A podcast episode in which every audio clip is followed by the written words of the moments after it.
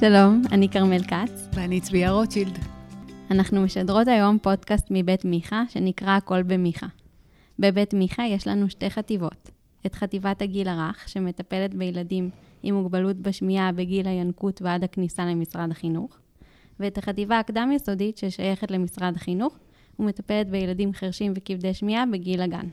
הפודקאסט הזה הוא פרי יוזמה משותפת של שתי החטיבות, כדי להנגיש ולהרחיב את הידע בנושא עבור הורים ואנשי צוות. היום אנחנו מראיינות את אלונה דואני, אימא של נועה דואני, ואביגיל רומנו, קלינאי תקשורת מבית מיכה. אז בוקר טוב. אנחנו מאוד uh, שמחות לארח את שתיכן מבחינתנו. זה אחד הפודקאסטים היותר מיוחדים, ותכף אנחנו נספר למאזינים למה. וכדי להתחיל, אני רוצה לפנות אלייך, אלונה. אז לפני כמה זמן גיליתם שלנועה יש uh, מה שנקרא ירידה בשמיעה חד-צידית, והגיע הרגע של הדילמה, שתל חד-צידי או לא שתל חד-צידי. ואני רוצה להחזיר אותך ליום הזה, לימים האלה ולדילמה הזאת. מה, איך, איך מתחילים בכלל להתייחס לשאלה כזאת? Uh, טוב, מן הסתם זה מאוד הפתיע אותנו, כי נועה נולדה, uh, עברה את סינון השמיעה, בוא נאמר ככה, בבית החולים, אז uh, ככל הנראה היא נולדה שומעת. ובעצם אנחנו גילינו כי הייתה לה בעיה בהגייה, ורצינו ללכת לקלינאי תקשורת, והמהלך העניינים הוא שבדרך לקלינאית שולחים לבדיקת שמיעה. אה, ואז אה, בבדיקת שמיעה בקהילה גילו שיש לה ירידה בשמיעה באוזן אחת. הם לא ידעו להגיד לי מה, מה החומרה או מה העומקה, אבל אה, הבנו שיש עניין. זה מאוד מלחיץ לגלות דבר כזה. יותר מלחיץ בהתחלה אפילו במובן של מאיפה זה בא. זאת אומרת, אין לנו שום... אה, שזה נוחת עליך משום כן, מקום. כן, אין לנו שום אה, רקע במשפחה, ו- ומאיפה זה הגיע עכשיו, ודוקטור גוגל אה, יכול מאוד להלחיץ בדברים האלה. לגמרי.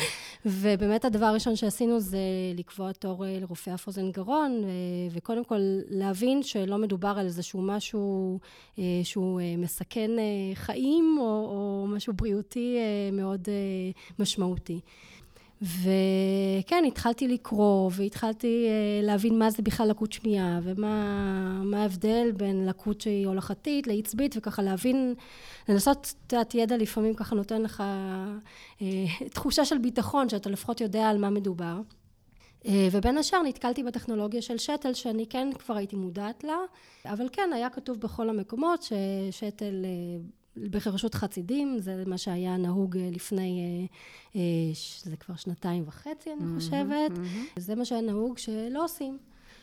אבל האמת אין ש... אין מה לעשות, כן, נשארים כן, עם אוזן ב... אחת מתה. נכון, אבל בנקודה הזאת שלחו אותי למיכה, אליכם, לעשות בדיקת שמיעה, ואני, במודעות שלי, זה הולכים פשוט להתאים למכשיר שמיעה. זאת אומרת, עוד לא ידעתי שמדובר בחירשות.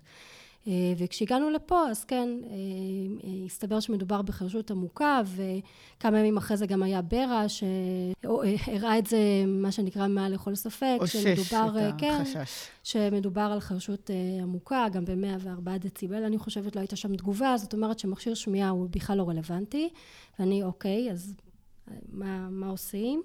ובאמת, שוב, האמירה הייתה ראשונית, שאין מה לעשות, לומדים איך לחיות עם זה.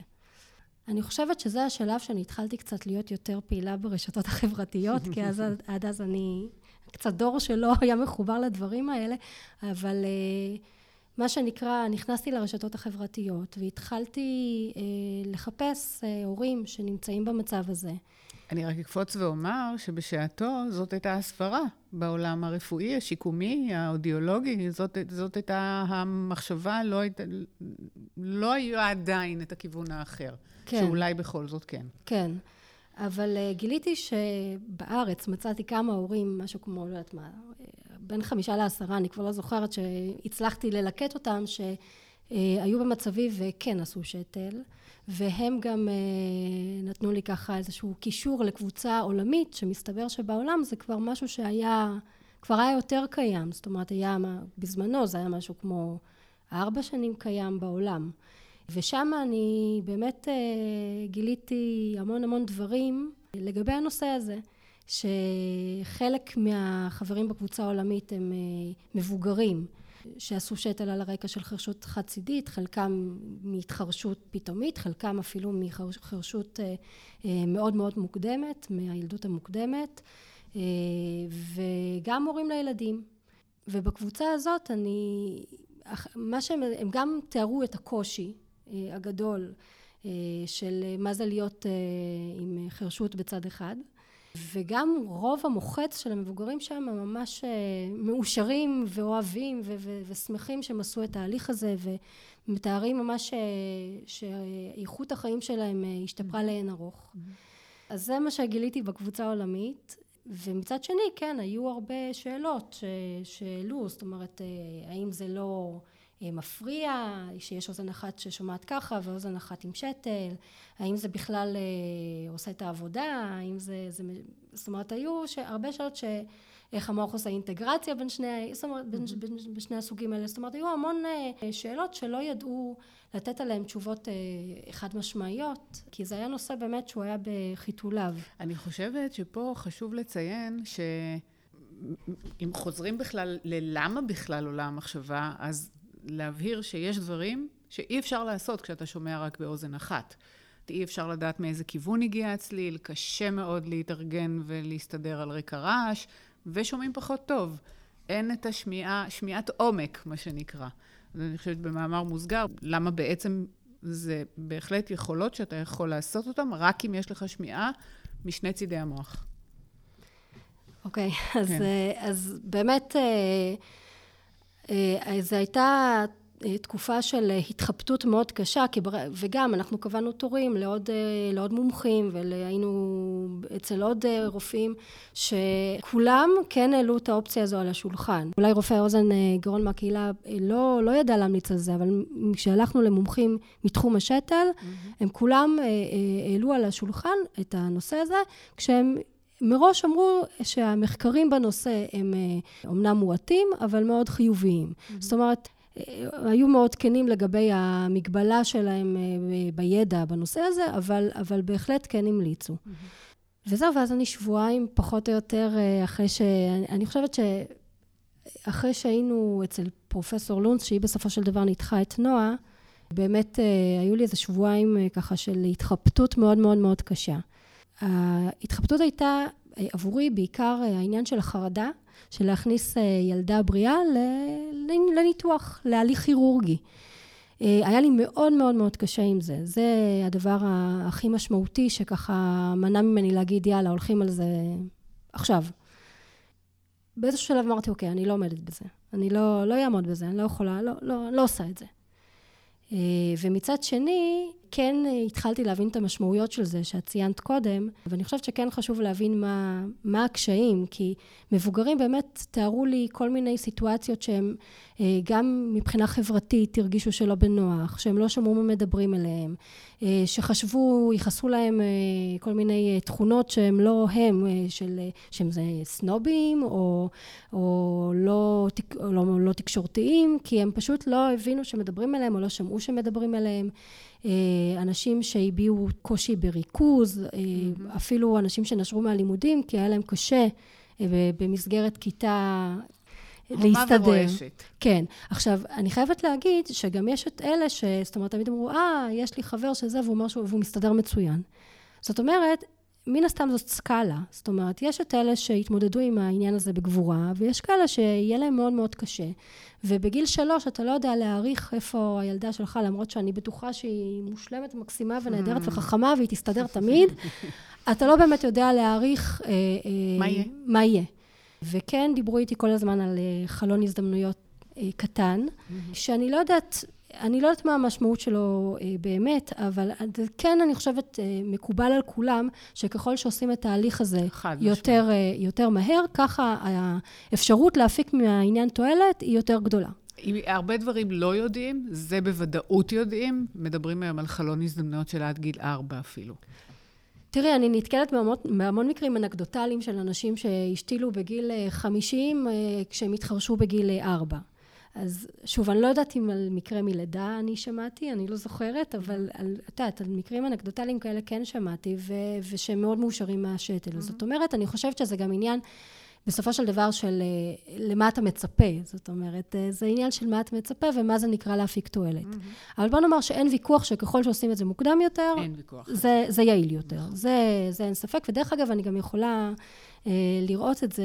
אני, אנחנו נדבר אחר כך, שבעצם אני הקמתי קבוצה אה, של הורים שכולם עברו...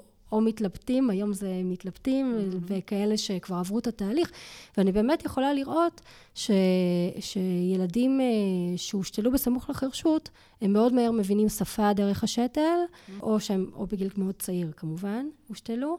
ולנועה, שהיא בעצם הושתלה בגיל שלוש, באמת לקח לה יותר זמן עד, ש, עד שבעצם היא הבינה שפה דרך השתל, וכשאנחנו נגיע לשלב הזה, אז אה, אנחנו קצת אולי נפרט, אבל זה לקח לה יותר זמן. זאת אומרת, אני יכולה לראות את זה די בצורה, שוב, זה לא מחקר, זה לא סטטיסטיקה, זה רק מה שאני, החוויה שלי מהורים כן. שמשתפים אותי, שזה באמת אה, הולך יותר בקלות ככל שזה מוקדם יותר. אבל אם להחזיר אותך לאותו פחד ראשוני, שאני יכולה באמת להבין אותו, נראה לי אחד הסיוטים של כל הורה להכניס את הילד שלו לניתוח ועוד ניתוח כזה. אז מה גרם לך לעבור את הפחד הזה ולקבל את ההחלטה הזאת? אוקיי, okay, אז קודם כל, בואו נדבר על ניתוח כזה. הרפואה, זאת אומרת, פרופסור לונץ, במכתב המלצה, היא כתבה... ניתוח זה, שגרתי. כן, ניתוח כן. סטנדרטי, אה, כן. סיכון נמוך. זאת אומרת, אז קודם כל, זה לא ניתוח שנחשב לניתוח מסוכן. Mm-hmm. הוא ארוך, מוציא את המיץ, אפשר להתעלף כשיושבים שם בחוץ ומחכים שזה ייגמר, אבל זה לא נחשב לניתוח מסוכן. ופשוט, אה, אחרי שאמרתי לעצמי, אני לא עושה את זה, כי אני לא מסוגלת לעמוד בחרדה הזאת, אני דמיינתי אותה נשארת עם אוזן אחת לא שומעת, וזה עשה לי קווץ'. זה עשה לי קווץ'. אני אמרתי, אוקיי, מה, וזהו, אני דנה אותה לזה שהיא לא תוכל לשמוע כשיש לי את האפשרות כן לתת לה את זה. אה, אני בעצם מפקיעה ממנה את זכות הבחירה. זה הייתה לי קשה המחשבה שאני, אני, אני פשוט אה, הרגשתי סוג של, לא יודעת מה, רחמים, אמפתיה, כאילו mm. איך אני, איך אני לא מאפשרת לה את זה. הרגשתי ש, שזה לא, שזה לא פייר. שיש את האפשרות, כן, שזה לא פייר למנוע את זה ממנה. ואם mm. כשהיא תהיה גדולה, היא לא תרצה את זה, אז אני, סבבה, זאת החלטה שלה. אבל לפחות נתתי לה את האפשרות להחליט. Mm-hmm. אז זהו, וזה מה ש... לא יכולתי להשלים עם זה שאני באמת משחררת ולא עושה. לא, לא הצלחתי להשלים עם זה. אוקיי. Okay. תודה שאת משתפת אותנו בתחושות האלה שלך, אה, החששות, הסיבות שבגללן כן החלטתם אה, ללכת לניתוח. אני בטוחה שהרבה הורים חולקים את התחושות האלה. אה, וגם מתוך הדברים שאמרת, יש איזה משהו שבלט. שזה העניין של באמת לשמוע מהורים אחרים ולחפש את הקבוצות האלה. זה משהו ש... את ממליצה להורים שמתלבטים לשאול, לחפש אה, הורים אחרים להתייעץ איתם? אה, כן, אני חושבת שאין אה, כמו לשמוע חוויות אישיות. וכן, לשמוע כאלה שבחרו לעשות וכאלה שבחרו לא לעשות. זאת אומרת, בקבוצת ההורים שאני נמצאת בה, אז יש גם כאלה שבחרו לא לעשות. וכן חשוב לשמוע לשמוע את כל הצדדים. כן, וגם עולים דברים, את יודעת, נוספים, לא רק הדברים האישיים שלי, של מה מנע ממני. הורים, למשל, מעלים את העניין של החשש מה, מהנכחה של הלקות. Mm-hmm. זאת אומרת שברגע שעושים שתל, אז כולם רואים שיש, שיש לקות שמיעה. אני מודה שזה מסוג הדברים שאני פחות התעסקתי בהם, mm-hmm. וסביר להניח שיש לזה איזה שהם מחירים, אבל אני חושבת שגם להנכחה של הלקות יש יתרונות וחסרונות. כי באמת מה שהורים חוששים זה העניין של, אה, של השונות, של איך החברה תתייחס לזה.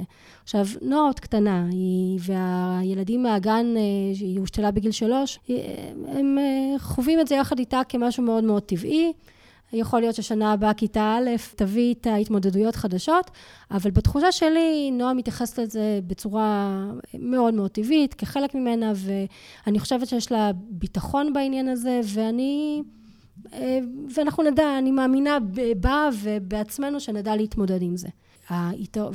אבל מצד שני, יש גם uh, יתרון להנכחה של הלקות, שהסביבה יודעת.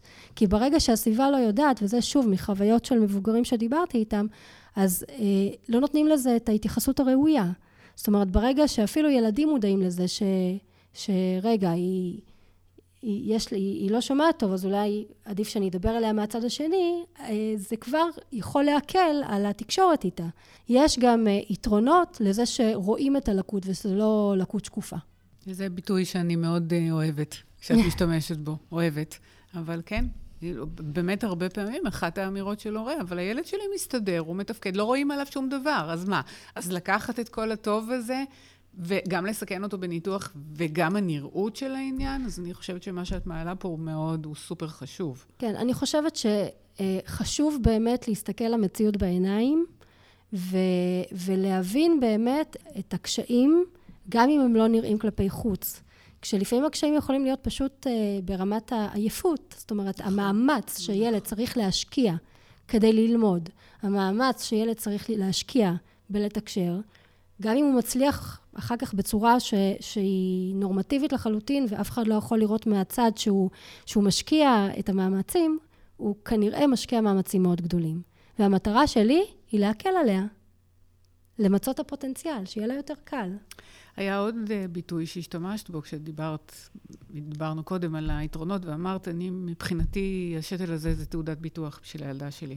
אה, כן, זה כבר הקשר אחר. זאת אומרת, אה, בוא נאמר שהסיבה הפורמלית שבגללה המליצו לי, שבגללה פרופסור לונצה המליצה לי על השתל, זה תעודת ביטוח, כי היום האוזן השומעת אכן שומעת. אה, מבחינה סטטיסטית, אה, אדם שהוא לקוי שמיעה באוזן אחת, יש לו יותר סיכוי מאשר האדם הממוצע, מתישהו שתהיה ירידה באוזן השומעת. בייחוד אה, ב-CMV. אוקיי, okay, אז כן. נכון, חשוב מאוד. אוקיי, okay, אז תכף אולי נדבר על זה, אבל, אבל זה באופן כללי נכון. זאת אומרת, גם לא חשוב מה הסיבה, זה דבר שהוא כנראה נכון באופן כללי. גם אם זה יקרה, זה, שוב, אני מדברת עם מה שפרופסור לונץ אמרה לי. גם אם זה יקרה, כשהוא יהיה בן 60 אה, או 70 mm-hmm. ויש לו עוד mm-hmm. 20 שנה ליהנות מה... או 30 שנה ליהנות מהנכדים שלו והוא פתאום לא יצליח לשמוע גם באוזן השנייה, באוזן השומעת, זאת תהיה חוויה שמאוד תפגע באיכות החיים. Okay. אוקיי. אז קודם כל כן זו תעודת ביטוח. עכשיו אם מדברים על העניין של CMV, ב-CMV הסכנה הזו היא שבעתיים. היא שבעתיים. שוב, יש כל מיני אה, אה, הורים שנאמרו להם כל מיני דברים בהקשר הזה מבחינת האחוזים אה, והסטטיסטיקות. יש, אה, אני שמעתי סטטיסטיקות של אודיולוגים שאומרים משהו אחד וסטטיסטיקות של זיומולוגים שאומרים דברים אחרים לחלוטין, אבל כן, אין ספק שזה נמצא על השולחן. עכשיו, למען האמת, אני לא ידעתי שמדובר ב-CMV, אנחנו גילינו את זה רק בדיעבד, ואולי זה גם mm. איזושהי נקודה שכדאי להיות ערים לה. כי בעצם הבדיקות שלי בהיריון היו תקינות, ועל פניו אני הייתי מחוסנת ל-CMV, זאת אומרת, אה, יש מושגים של הדבקה. בעבר. כן, שנדבקתי בעבר, זה נקרא IgM שלילי ו-IgG חיובי. Mm-hmm. שעל פניו זה המצב האידיאלי, כי אז אני לא יכולה גם להידבק במהלך ההיריון, ואז אה, לא עוקבים אחרי הדבר הזה. ומסתבר שיש לפעמים עניין של הדבקה משנית או שניונית. אה, שגם אימא שהיא בעצם מחוסנת, בכל זאת אה, יש איזשהו שפעול או זן אחר, אני לא מבינה גדולה בדברים mm-hmm. האלה, ואז כן העובר ידבק. עכשיו, מתי בדרך כלל מגלים את זה? אם ילד נולד, נולד אה, עם אה, לקות שמיעה, אז מיד בודקים CMV. בדיעבד בודקים. בלידה. Mm-hmm. במקרה של נועה, לא בדקנו, כי לא הייתה שום אינדיקציה לבדוק. יש עוד כל מיני אה, דברים שבגינם בודקים CMV, אבל לה לא הייתה שום, mm-hmm. היא הייתה אסימפטומטית לצורך העניין ל-CMV, ולא נבדק שום דבר. במהלך החפירות והחקירות, אחרי שגילינו על החרשות, אז כן, גם הגעתי לזיומולוג, ומן הסתם בדיקת הדם כרגע לא תהיה מועילה לכלום, כי 80% מהאוכלוסייה חולים מתישהו ב-CMV, וילד בגן, הסבירות שהוא נדבק ב-CMV היא מאוד מאוד גדולה. Mm-hmm. אבל מסתבר ששומרים, או בזמנו שמרו, דגימת דם אה, מהלידה במעבדה מרכזית אה, בתל השומר, והוא ביקש לשלוף את הבדיקה הזאת, זה נקרא אה, זו בדיקה ש... שקוראים... הדגימות דם האלה נעשות על נייר גטרי, זה נקרא, זה עושים כאלה נקודות על... אה, ארבע נקודות, לבדוק כל מיני תסמונות. ושומרים את זה. אז הוא שלף את הבדיקה הזאת ובדקו את הבדיקה וראו שאכן מדובר, אה, שאכן היא נולדה עם CMV. עכשיו, העניין עם הבדיקה הזו, רק שהיא לא, זאת אומרת, אם מגלים שיש CMV, אז זה 100% היה CMV בלידה. Mm-hmm. אם לא, אז לא יודעים אם כן או לא. Mm-hmm. זאת אומרת, זה נותן לך רק מידע מדויק אם, אם, אם התשובה היא חיובית. ואצל נועה התשובה הייתה חיובית, אז לכן אנחנו יודעים בדיעבד שהיא נולדה עם CMV. אוקיי. Okay. אז אני רוצה עכשיו להריץ את הסרט טיפה קדימה. אחרי הניתוח מגיע הזמן של השיקום, ותכף אנחנו נעבור גם לשמוע את אביגיל, שהזמנו אותה לפה היום, אבל בואי, אלונה, תתייחסי רגע. אז החלטתם להשתיל את הילדה שלכם, השתלתם אותה, ואפס מה זהו. אומרת המציאות אחרי? בדיוק. אז אני, אז אני בעצם עכשיו אומרת, אוקיי, השתלנו, עכשיו מה? איך אני בעצם אה, יודעת שבאמת העניין הזה עוזר? איזה בדיקות צריך לעשות כדי איך לראות... משקמים? רגע, קודם כל, איך אני מנטרת? זאת אומרת, איך אני יכולה לבדוק? כי מבחינת, דרך אגב, הרפואה, מבחינת הרפואה, הצלחה עם שתל, זה אם אתה user או non-user. זאת אומרת, אם, אם הילדה משתמשת, אז זה הצלחה. אם היא לא משתמשת, זה לא, הצ- זה, זה כישלון. ואותי זה לא סיפק. זאת אומרת, אה, הילדה משתמשת כי אני אימא שלה וחסר לה שהיא לא תשתמש, בסדר. זאת אומרת, אין לה מניחה- ברירה. זהו, אני מניחה שאם. זה היה מפריע לה או מציק לה או כואב כן. לה, אז היא הייתה מתנגדת. אבל זה שהיא משתמשת, מבחינתי לא אומר ש... זה אומר שזה לא מפריע לה, אבל כן. איך אני יודעת שזה מועיל לה? אז קודם כל, איך, איך, איך יודעים? זה דבר אחד. ודבר שני, האם אני צריכה באמת לעשות איזושהי התערבות שיקומית כדי שזה יקרה? ובשלב הזה אני באמת פניתי לאותם הורים, שדרך אגב אני התייעצתי איתם לגבי הניתוח, התחלתי לפנות ולשאול מה הם עושים. אז יש אימא אחת שאמרה שהקלינאית של הבת שלה שמה לה אטם ואומרת לדבר עם אטם 20 דקות ביום, ש, שזה מה ש, ש, שהיא עושה. אימא אחרת אה, אמרה לי שהקלינאית עושה מה שנקרא direct streaming, שזה, אה, אולי אחר כך נרחיב מה זה, אבל בגדול זה לשדר אה, שמע ישירות לשתל, כדי לנטרל את האוזן השומעת, mm-hmm. כדי לאמן את הצד המושתל. והייתה אימא אומרת, שאמרה, אנחנו לא עושים כלום, זאת אומרת, ממה שנאמר לנו, אנחנו רק מרכיבים את השתל, ו, וזה יעשה את העבודה מעצמו. זאת אומרת, את מבינה, אחרי שעשיתם את ניתוח השתל, שאין בעצם פרוטוקול. אין פרוטוקול, לא, אין. אין, משהו מובנה. בניגוד משהו... לשתל דו-צידי, שיודעים בדיוק מה לעשות, צעד אחר צעד, בשתל הזה, וואלה, אין, אה, אין פרוטוקול מה עושים. אני רוצה ש, שלרגע נקפוץ ל... בחוויה הזאת שלך כהורה, כן. נקפוץ לחוויה שלך, אביגיל, כאיש מקצוע, שאני חושבת ש... לשמוע מצוקה של הורה שנמצא במקום הזה, שמגיע לאיש מקצוע ובעצם מצפה ממנו, שממנו תצמח הישועה. אני אשמח שתתייחסי את ל... לתחושות הראשונות שלך. מה, מה בעצם את מתמודדת בתוך מקום כזה? אני חושבת קודם כל שלא היו לי, בגלל שבאמת היינו שותפות מאוד לתהליך הזה, והיה תיאום ציפיות, אני חושבת אפילו שלך עם עצמך, אה, אלונה. כאילו, ידעת בדיוק למה את נכנסת, וידעת שאין mm-hmm. פרוטוקול אה, מוסדר לשיקום, אז לא הרגשתי שבאת אליי עם איזשהן ציפיות ככה ל- לדעת מה קורה. והלמידה הייתה מאוד משותפת ממש מההתחלה. אז זה ככה הרגיע את, ה, את הלחץ של לצפות ממני לדעת מה לעשות, ו- וככה חקרנו את זה ביחד. איך בעצם מתחילים? מה, מה, מה בדיוק עושה איש מקצוע? שיודע שאין לו בעצם, אני לא יכולה לפתוח עכשיו ספר ולקרוא מה הפרוטוקול, אז איך בונים דבר כזה בכלל? אז קודם כל, שוב פעם, בגלל שזה היה תהליך שיתו, שיתופי, ואלונה כל שבוע עדכנה אותי, גם מה המרכז הממפה אומר, וגם המחקרים ככה שהיא עשתה. אז דבר ראשון זה באמת להקשיב למרכז הממפה.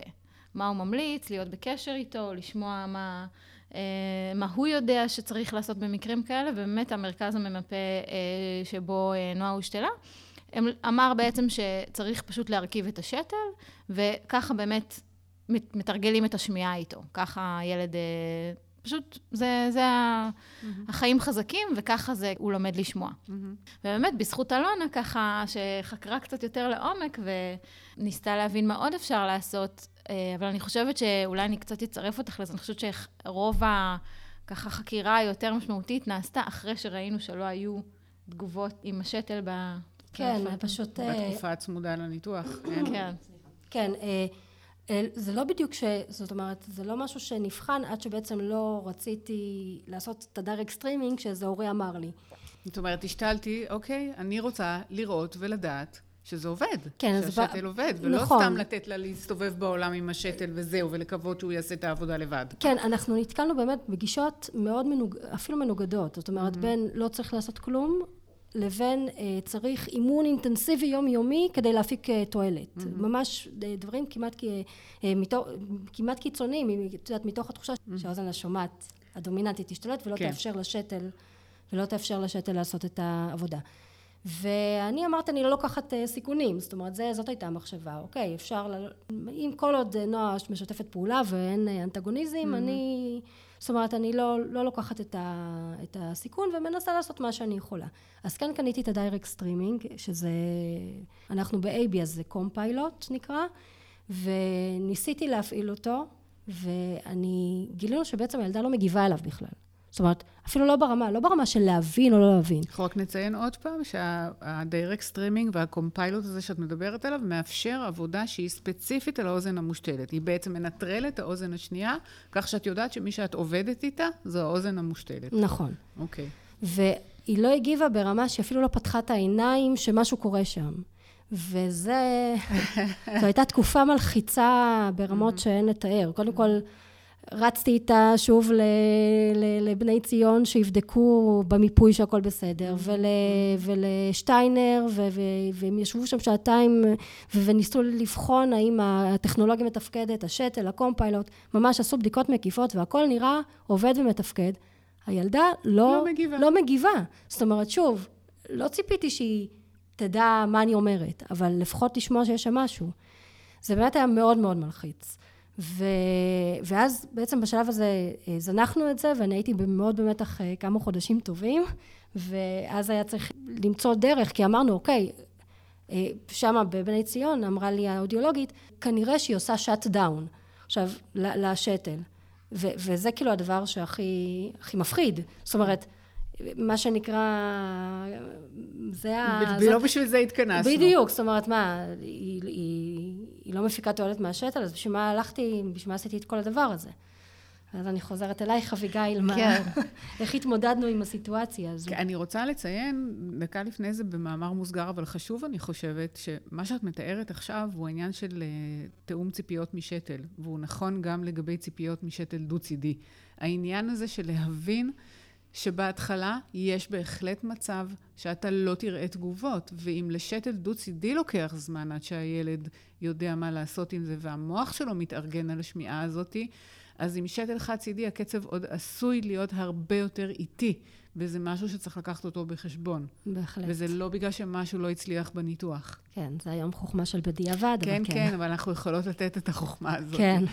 בדיוק. האמת שטלי גרינשטיין העבירה לנו הרצאה לא מזמן שנתנה ממש שם לדבר הזה. כמו שיש עין עצלה, mm-hmm. יש גם אוזן עצלה, mm-hmm. אוזן שלא קיבלה גירוי שמיעתי המון זמן, הופכת להיות, המסלולים שם פחות אה, מפותחים, וזה גורם באמת ככה לזה שהמוח כבר עושה, כמו שהיא אמרה לך, shutdown, אבל זה כאילו נשמע shutdown, זה נשמע משהו מאוד כזה אבסולוטי. דרמטי. ו- כן, וש... ו- ולמה עשינו את השתל.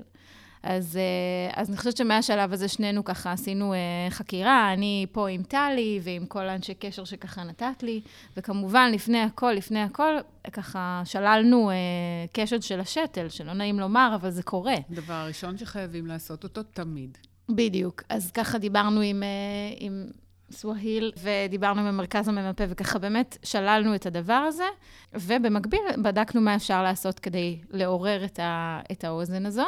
אז ככה אני מחברת את כל הנקודות, שבאמת בהתחלה נתנו, גם בהמלצה של אה, טלי, שהתייעצנו איתה פה, מה, מה כדאי לעשות, וגם בכנס על שתל חצידי, זה ככה סגר לנו את הנקודות, שבאמת יש גישה, גישה טבעית שאומרת, פשוט צריך להרכיב את השתל וזה מספיק, ויש גישה שמדברת על כן לעשות, כמו שאת אומרת, מההתחלה אימונים. אז באמת, בפועל, כשמסתכלים מה עשינו עם נועה, ככה מקרה פרטי, אבל אה, למדנו ממנו המון, קודם כל בנינו באמת פרוטוקול מאפס, מתוך כל המקומות שהתייעצנו איתם. ובאמת, מה שראינו, שבחצי שנה הראשונה, מה שמדברים עליו זה אה, בעצם להשתמש רק בשתל, הגישה הטבעית. בעצם המוח לומד לשמוע דרך השתל ודרך האוזן הטובה מחדש. אם הייתי רגילה לשמוע צליל של תרנגול באופן מסוים, שזה שמיעה אקוסטית, אז עכשיו אני צריכה ללמוד לשמוע אותו גם אה, איך שאני שומעת אותו מהשתל, וגם עם האוזן האקוסטית. אז אני לומדת לשמוע את הצליל הזה מחדש. אז אנחנו בעצם מייצרים מסלולים עצביים חדשים, שרגילים לשמוע צלילים באופן שונה. אה, עכשיו, במוח. המוח השומע, מה שנקרא, לומד לשמוע את הצלילים אחרת ולפענח אותם. אז נותנים באמת את החצי שנה הזאת של הלמידה של הצלילים מחדש, ופיתוח של מסלולים עצביים מחדש. אה, ואחר כך, במקרה של נועה, באמת, שראינו שהיא לא מגיבה ל direct streaming, אמרנו, אוקיי, צריך לעורר שם את האוזן. אז באמת ככה דיברנו עם, אה, עם קלינאיות אה, ממרכזים אחרים, שככה סיפרת על האטם, ודיברנו עם טלי, וחשבנו גם על דברים בעצמנו, יש לומר. כלומר, זה איזושהי חשיבה משותפת שעשיתי עם המדריכה שלי, ובכלל במרכז, וככה בדקנו גם בספרות, עם המלצות של מאמרים מאלונה, וגם מעבר לזה. אז גם נתנו באמת את האטם לאוזן הטובה ונתנו ככה דברים, גירויים אה, מוכרים לאוזן אה, של השתל, שזה אומר סיפורים שהיא מכירה, אה, שירים שהיא מכירה, צלילי סביבה שהם מוכרים לה, ואחר כך גם עשינו גם הטעם וגם רעש. שהרעש הוא לא... מאתגר את הילדה כן, עד הסוף. כן, חשוב לי להגיד שבאמת, אני חושבת שגם אלונה בבית וגם אנחנו בטיפול, מצאנו באמת דרכים יצירתיות וחו... וחווייתיות כדי שזו תהיה לה חוויה חיובית, וזה נורא חשוב לי ככה להגיד את זה בסוגריים, שאנחנו לא רוצים להמאיס את זה על הילד, ואנחנו לא mm, רוצים uh, להפוך את זה למשהו לא, לא נעים, ואני לא חושבת שזה רק בגלל שנועה ככה ילדה מאוד uh, מאפשרת ומשתפת פעולה. אני לא חושבת שזה רק נועה שהיא ככה הייתה משתפת פעולה וזה, זה, זה באמת, אני חושבת, נעשה חשיבה של איך לגרום לה ליהנות מה, מהדבר הזה. אה, שזה היה זמן איכות איתך בבית, אנחנו נדבר על זה, אבל... אה, אז באמת בחדר הטיפולים, אז עשינו מין, אה, אני ככה אתן את הרעיון, עשינו מין setting כזה של מטוס, שאנחנו טסים עכשיו והמטוס עושה רעש חזק, וישבנו אחת ליד השנייה במטוס, וכדי להעביר את הטיסה אז קראנו ספר, והרעש של המטוס היה לכיוון האוזן הטובה, ובאמת ככה חשבנו על דרכים יצירתיות ואיזשהו סיפור, כן, סיפור רקע, כן, כן, כן, בשביל שזה יהיה נחמד. אמ, אז זהו, אז, אז ככה עבדנו בהתחלה. אה, בגלל שהיא לא מגיבה ל direct streaming, ואין לי דרך אה, לנטרל את האוזן הטובה פרט לרעש או אטם, אז ככה עבדנו. עם רעש ואטם וגירויים אה, שהיא מכירה. וזה עבד. כלומר, גם אני עשיתי את זה בחדר, בחדר הטיפולים, וגם אלונה עשתה את זה בבית. ואני ככה אגיד שאני חושבת שגם אלונה וגם אני, ובעיקר אלונה, כי יש נורא, מה, מה, לפעמים מהחרדה שהשתל לא עובד, יש נורא נטייה כאילו אולי בתור. הורים, גם לבדוק אותו וגם לעשות יותר מדי. כן. אני חושבת שהייתה פה רגישות מאוד גדולה, וזה חשוב לי להגיד ככה לכל מי שמטפל בדבר הזה, במיוחד כשזה רעש שהוא לא נעים והטעם, שחשוב לדבר על מינון האימונים האלה. שגם החוויה שהיא תהיה חיובית וגם המינון צריך להיות לא יותר מדי, כדי שזה לא יהיה להמאיס על הילד, ו- וזה בסופו של דבר עבד. אני חושבת, בדיעבד, שזה היה מקרה של אוזן עצלה במרכאות, mm-hmm. כאילו שזה היה, לא במרכאות, של באמת היה צריך לעורר שם את, ה, את האוזן, ונורא שמחנו אחר כך. את רוצה כן. לספר? אז זהו, קודם, קודם כל בהקשר הזה, אני רק רוצה לומר ששוב, זה מאוד אינדיבידואלי. זאת אומרת, יש ילד שיכול להיות ש... אני מכירה ילדה שהתחרשה לאחרונה ועשו לה שתל. אז ה direct streaming, מה-day one, עשה את העבודה. זאת אומרת, אז העניין הזה של להמתין או לא, אני חושבת שזה משהו שכל גורם מטפל צריך לבדוק אותו, עם מה נכון לילד, אם זה נכון לחכות עכשיו, כן. או לא נכון לחכות, ולהתחיל להפעיל כדי לקדם את העניינים. בנוגע ל direct streaming, אחרי ככה כמה חודשים שעשינו דברים אחרים, וגם אני הלכתי, ולמרות שבדקו את הטכנולוגיה וכולי, הלכתי עם ה compilot שלי לילדה אחרת מושתלת, ונפגשתי איתה, וראינו שהוא עובד עליה. אז באותו יום שהוא עבד עליה, אז חזרתי הביתה, ואז עשיתי התגנבות יחידים לנועם מאחורה, ניגשתי לה עם הקומפיילוט, הפעלתי את הפלאפון, על השיר ה... מהולל שהיה מאוד נפוץ בזמנו, שבט אחים ואחיות, ופתאום היא פתחה את העיניים והתחילה לשיר. וואו. טוב, וואו. זהו. זה נרגעת. היה מין סוג של הנחת רווחה וואו. כזאת. אוקיי, עכשיו אפשר להתחיל לעבוד. אוקיי. גם ככה. זאת אומרת, זו הייתה הנחת רווחה שאין לתאר. ממש. אני חושבת שככה, אם, אם לאסוף את העניין של שיתוף הפעולה, איש מקצוע והורה, ממה שאני שומעת אותך, אביגיל, אז אני חושבת שיש פה שני דברים עיקריים שהעלית. האחד, זה קודם כל הקשר ושיתוף הפעולה המאוד מאוד צמוד הזה עם ההורה, שבאיזשהו שלב באמת מגיע אחרי שעשה הרבה הרבה שיעורי בית. כמובן גם פה יכולת להתאים את עצמך להורה שעומד מולך, והעניין האחד הוא באמת ההקשבה ושיתוף הפעולה, וללכת עם ההורה, וללכת ולהקשיב, ולא לחשוש מהמקום הזה שההורה הוא זה שמוביל לפעמים. זה דבר אחד. והדבר האחר שאני שומעת זה המקום המקצועי. במיוחד בגלל העובדה שעוד לא היה פרוטוקול. המקום הזה שמבין עם הזמן שצריך להקשיב לכל השיטות שיש. ואת מאוד דיברת על שופינג בהתחלה. פנינו לזה ופנינו לזה ופנינו לזה. ואני חושבת שאחד הדברים היותר משמעותיים שאת מעלה בעניין הזה, ששתיכן מעלות, זה הצורך המאוד חשוב, אחד, בשיתוף פעולה צמוד עם ההורה והקשבה לילד ומה שמתאים לו, ודבר שני, כן להכיר את כל השיטות, כי אתה באמת לא יודע מה יעבוד על הילד הזה.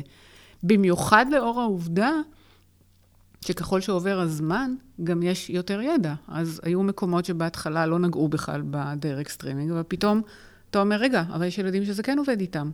אז אני חושבת שזה שני דברים נורא חשובים שאתן uh, מעלות. אני רוצה להתייחס לזה כן. מהצד של ההורים, כן. שאני חושבת שהורה שעושה את ההליך הזה, שהוא שוב, היום כבר יש יותר ידע ויותר כן, ניסיון, כן. אבל עדיין, עדיין זה התחלה אה, לטעמי. נכון, עדיין, אה, לגמרי. אני מניחה שעוד יתגלו הרבה דברים נכון, על הנושא הזה. נכון. אני חושבת שהורה צריך לבוא עם, אה, קודם כל עם הידיעה שכן, צריך לתת איזשהו מענה, או לבחון לפחות אם צריך להיות איזשהו מענה. ודבר שני, שהוא צריך לבוא עם המון סבלנות. Mm-hmm. זאת אומרת, לבוא עם סבלנות ובאמת עם, עם הבנה שהציפייה היא לא שעכשיו יש מישהו ש... אה, מוביל אותך אה, כי הדרך נורא נורא ברורה, אלא לא. שזה, בדיוק, אלא שזה סוג של מסע משותף, ולכן נכון. אה, צריך לבוא עם, לדעת את זה, מבחינת התיאום ציפיות, למה, למה הולכים. אוקיי. מה שאתן מתארות בנוגע לשיקום שמיעתי עם שתל חד-צידי, הוא רלוונטי, העקרונות האלה והמחשבות האלה שככה מובילות את התהליך הטיפולי, הן רלוונטיות לכל תהליך טיפולי, גם אם זה שתל דו-צידי וגם אם זה בכלל לא קשור לפן השמיעתי. כמה חשוב השיתוף פעולה, להבין שזה מדובר פה בתהליך שיכול לקחת זמן, שיכול להיות שדבר אחד יעבוד ודבר אחר לא יעבוד, ומנסים כמה דברים. אין תשובה אחת.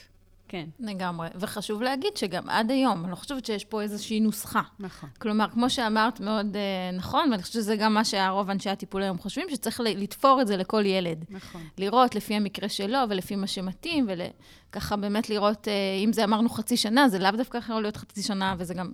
בקיצור, זה באמת לתפור את זה לכל ילד, אבל כן להסתכל על הגישות השונות ו- ולא לשלול אף אחת מהן ולנסות לקחת ו- ולהתאים, ולראות מה קורה. כאילו, גם אנחנו בדיעבד דיברנו על זה, שאנחנו לא באמת יודעות אם הטעם וה- נכון. והרעש עזר או שזה פשוט הזמן. אין לנו דרך לבדוק את זה, אבל עשינו, לפעמים גם המקום הזה של, בשביל הורה, אני מניחה, דיברנו על זה גם הרבה, של לעמוד במקום ולא לעשות כלום כשאין תגובה ל direct streaming, זה נורא מתסכל. אז אם אנחנו עושים, משאירים את זה בתוך חוויה חיובית ולא משהו שמזיק לילד, אז זה לא מזיק אף פעם לעשות. כלומר, זה, ה, זה ככה משהו שליווה אותנו, שזה נורא קשה. גם לי היה קשה לראות מהצד, כאילו הורים ששלחו ילדה לניתוח שתל, שזה ניתוח אה, סטנדרטי אמרת, אבל... אבל לא ניתוח. לא. אבל ניתוח, בדיוק, כן. ילדה בריאה לניתוח, בדיוק כמו שציינת. כן. ולשבת בחיבוק ידיים, ואומרים לנו, אוקיי, זה בסוף, בסוף, בסוף זה יתעורר. אני, יכולה, אני נורא התחברתי לזה, למקום הזה של בוא נעשה מה שאפשר. Mm-hmm. אני חושבת שבסופו של דבר, אה, הייתה לנו שפה משותפת במקום הזה, של זה קשה לשבת בחיבוק ידיים, ו- וככה באמת ניסינו לעשות מה שאפשר, שוב פעם. בלי לעשות איזושהי אה, חוויה לא נעימה לנועה, ו- ובמינון המתאים. דרך אגב, אנחנו גם, אה, יש שאלה שעכשיו נשאלת, זה עד מתי? זאת אומרת שזה משהו שאף אחד עדיין לא נכון. לא יודע. ודרך אגב, אני גם על זה פניתי לאנשים בקבוצה העולמית, וגם על פה קיבלתי תשובות סותרות. זאת אומרת, יש כאלה, אני מכירה איזה מישהי מבוגרת, שעשתה את השתל בגיל 50, שדרך אגב היא בעצמה אודיולוגית, שעובדת עם מושתלים, וואו. אה, שהיא התחרשה בגיל 4 או 5, משהו כזה, והיא החליטה שהיא הולכת על זה, והיא עשתה איזה חודשיים של אימונים אינטנסיביים עם, עם מישהו, עם אודיולוג אחר, והיא מאושרת. היא אמרה, אחרי חודשיים אני הרגשתי שאני ממצה את מה שאני יכולה למצות, ו- והיא מאושרת, ממש מאושרת מהעניין. אז שאלתי אותה, ומה עכשיו, את ממשיכה לעשות direct streaming? היא אומרת, לא, אני עשיתי חודשיים, אחרי זה הרגשתי שמיציתי, ומאז אני מדי פעם מתחברת כדי uh, ככה לשמר, אבל אני כבר לא, לא ממשיכה. לעומת זאת, יש אחרים שאומרים, כן, אנחנו כל הזמן ממשיכים, uh, לתחזק. ממשיכים לתחזק. או אימא שאמרה לי שהיא כבר ילד בן 13, היא אומרת, אני כבר לא עושה direct streaming, אבל הילד בעצמו, הוא, הוא, בגלל שהוא מודע, מעצם העובדה שהוא מודע, הוא מנגן בתזמורת. אז מעצם העובדה שהוא, שהוא מודע לעניין של שתל, אז הוא מנסה כל הזמן להקשיב. דרך השתל. זאת אומרת, אפשר גם במודע, ילד שהוא כבר מודע, שהוא גדול, יכול גם באופן מודע לנסות אה, להקשיב, לראות מה הוא שומע מהצד, mm. מהצד המושתל. אז שוב, זאת גם שאלה שאנחנו נגלה אולי בהמשך. מחזק וגם... את מה שאמרתם קודם, שזה נורא אינדיבידואלי, בדיוק. ואי אפשר להכליל פה שום דבר, באמת כל מקרה לגופו. את יודעת, אלונה, אני, אני חושבת בשלב הזה שאני אשאל שאלה שבוודאי מייצגת את הסקרנות של הרבה מהמאזינים. מה קורה היום? אוקיי. Okay. אז אה, קודם כל מבחינת, אה, בוא נאמר, המדד של הרפואה ל user או non user, אז אה, נועה משתמשת בשתל באופן קבוע, זה שגרה, ובמדד הזה ההצלחה היא מסחררת. מבחינת ההפקת תועלת, אז קודם כל, יש בדיקות. יש בדיקות שמיעה סטנדרטיות שמראים שהיא, שהיא שומעת דרך השתל, ממסכים פשוט את האוזן הטובה. ו, ובודקים את זה, שומעת דרך השתל, מבינה שפה דרך השתל, במובן הזה הטכנולוגיה עובדת. השאלה היותר עמוקה מבחינתי זה האם זה עוזר לה במובנים של אה, כיווניות ובמובנים של אה, הבנה בתנאי רעש. Mm-hmm. אז כיווניות זה גם משהו ש... זה הצלחה כן. ממש כיפית, האמת. כן, זאת אומרת, כן. זה, זה היה צריך לעבוד על זה, ודרך אגב, גם בעניין כן. הזה יש מבוגרים שאומרים, איך ששמנו את השתל זה, זה הגיע. זה הגיע. ואחרים אומרים, עד עכשיו זה עוד לא קרה. Mm-hmm. זאת אומרת, אפילו אם זה קורה או לא, זה עניין אינדיבידואלי, וצריך mm-hmm. לבדוק אם גם על זה צריך להתאמן, כי אנחנו כן, כן התאמנו על זה. אנחנו התאמנו על זה מ-day one, אני חושבת. כן, כלומר, זה...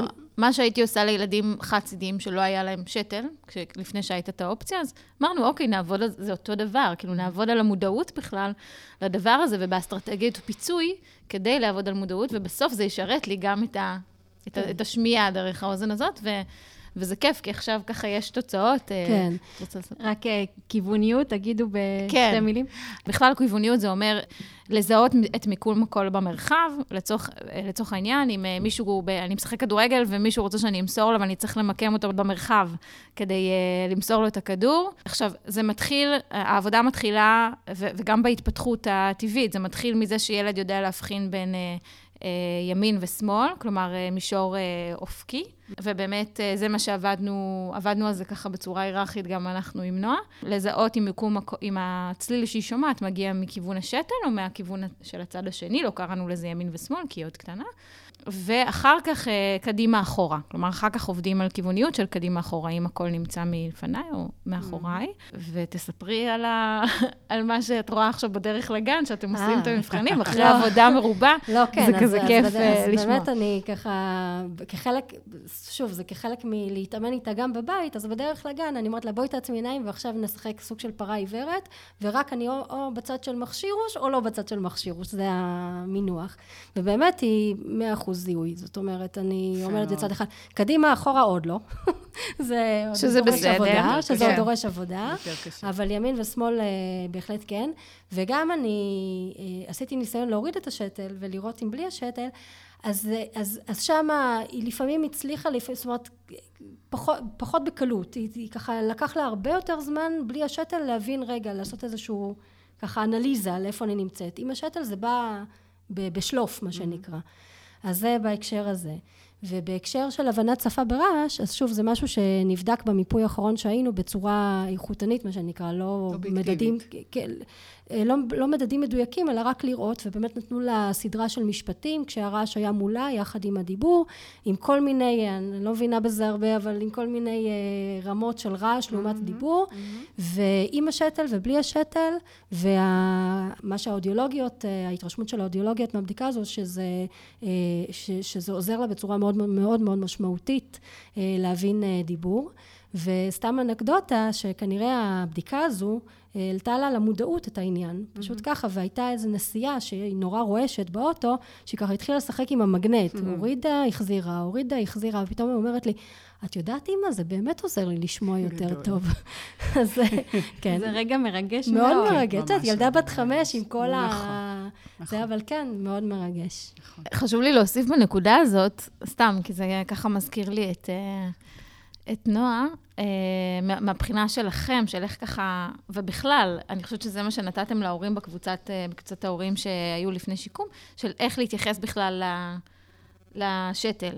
וזה תמיד היה איזה משהו חיצוני. המכשירוש לומד לשמוע, קודם כל קראתם לו מכשירוש. וזה היה איזה. משהו שהוא חלק ממנה, ככה גם ברמה. הרגשית זה נורא חשוב להכניס את הדברים האלה. כן. וזה המכשירוש, והמכשירוש לומד לשמוע, כלומר, לא לשים את כל ההצלחה או כישלון, או שומע, לא שומע, בדיוק, את העומס עליה, אלא המכשירוש כן. לומד לשמוע, זה כמו מאוד. תינוק, וככה זה כמה מונחים שאנחנו ככה. כן. גם הכנסנו כמו תינוק, והוא לומד לשמוע, ו... וזה, ואני חושבת, וסתם, הדוגמה עכשיו שנתת, שהוא באמת עוזר לי, והיא הרבה פעמים מדברת אליו גם. מה, יש לה שיחות שלמות איתו, כל בוקר, בוקר טוב, מכשיר ראש, ואז אני צריכה לתמלל אותו, כן? שלום, למה? כן. עכשיו היא התחילה גם לדבר על הבטריה, אבל המגנט מפרידה את החלקים. שלום בטריה, שלום מגנט, ככה.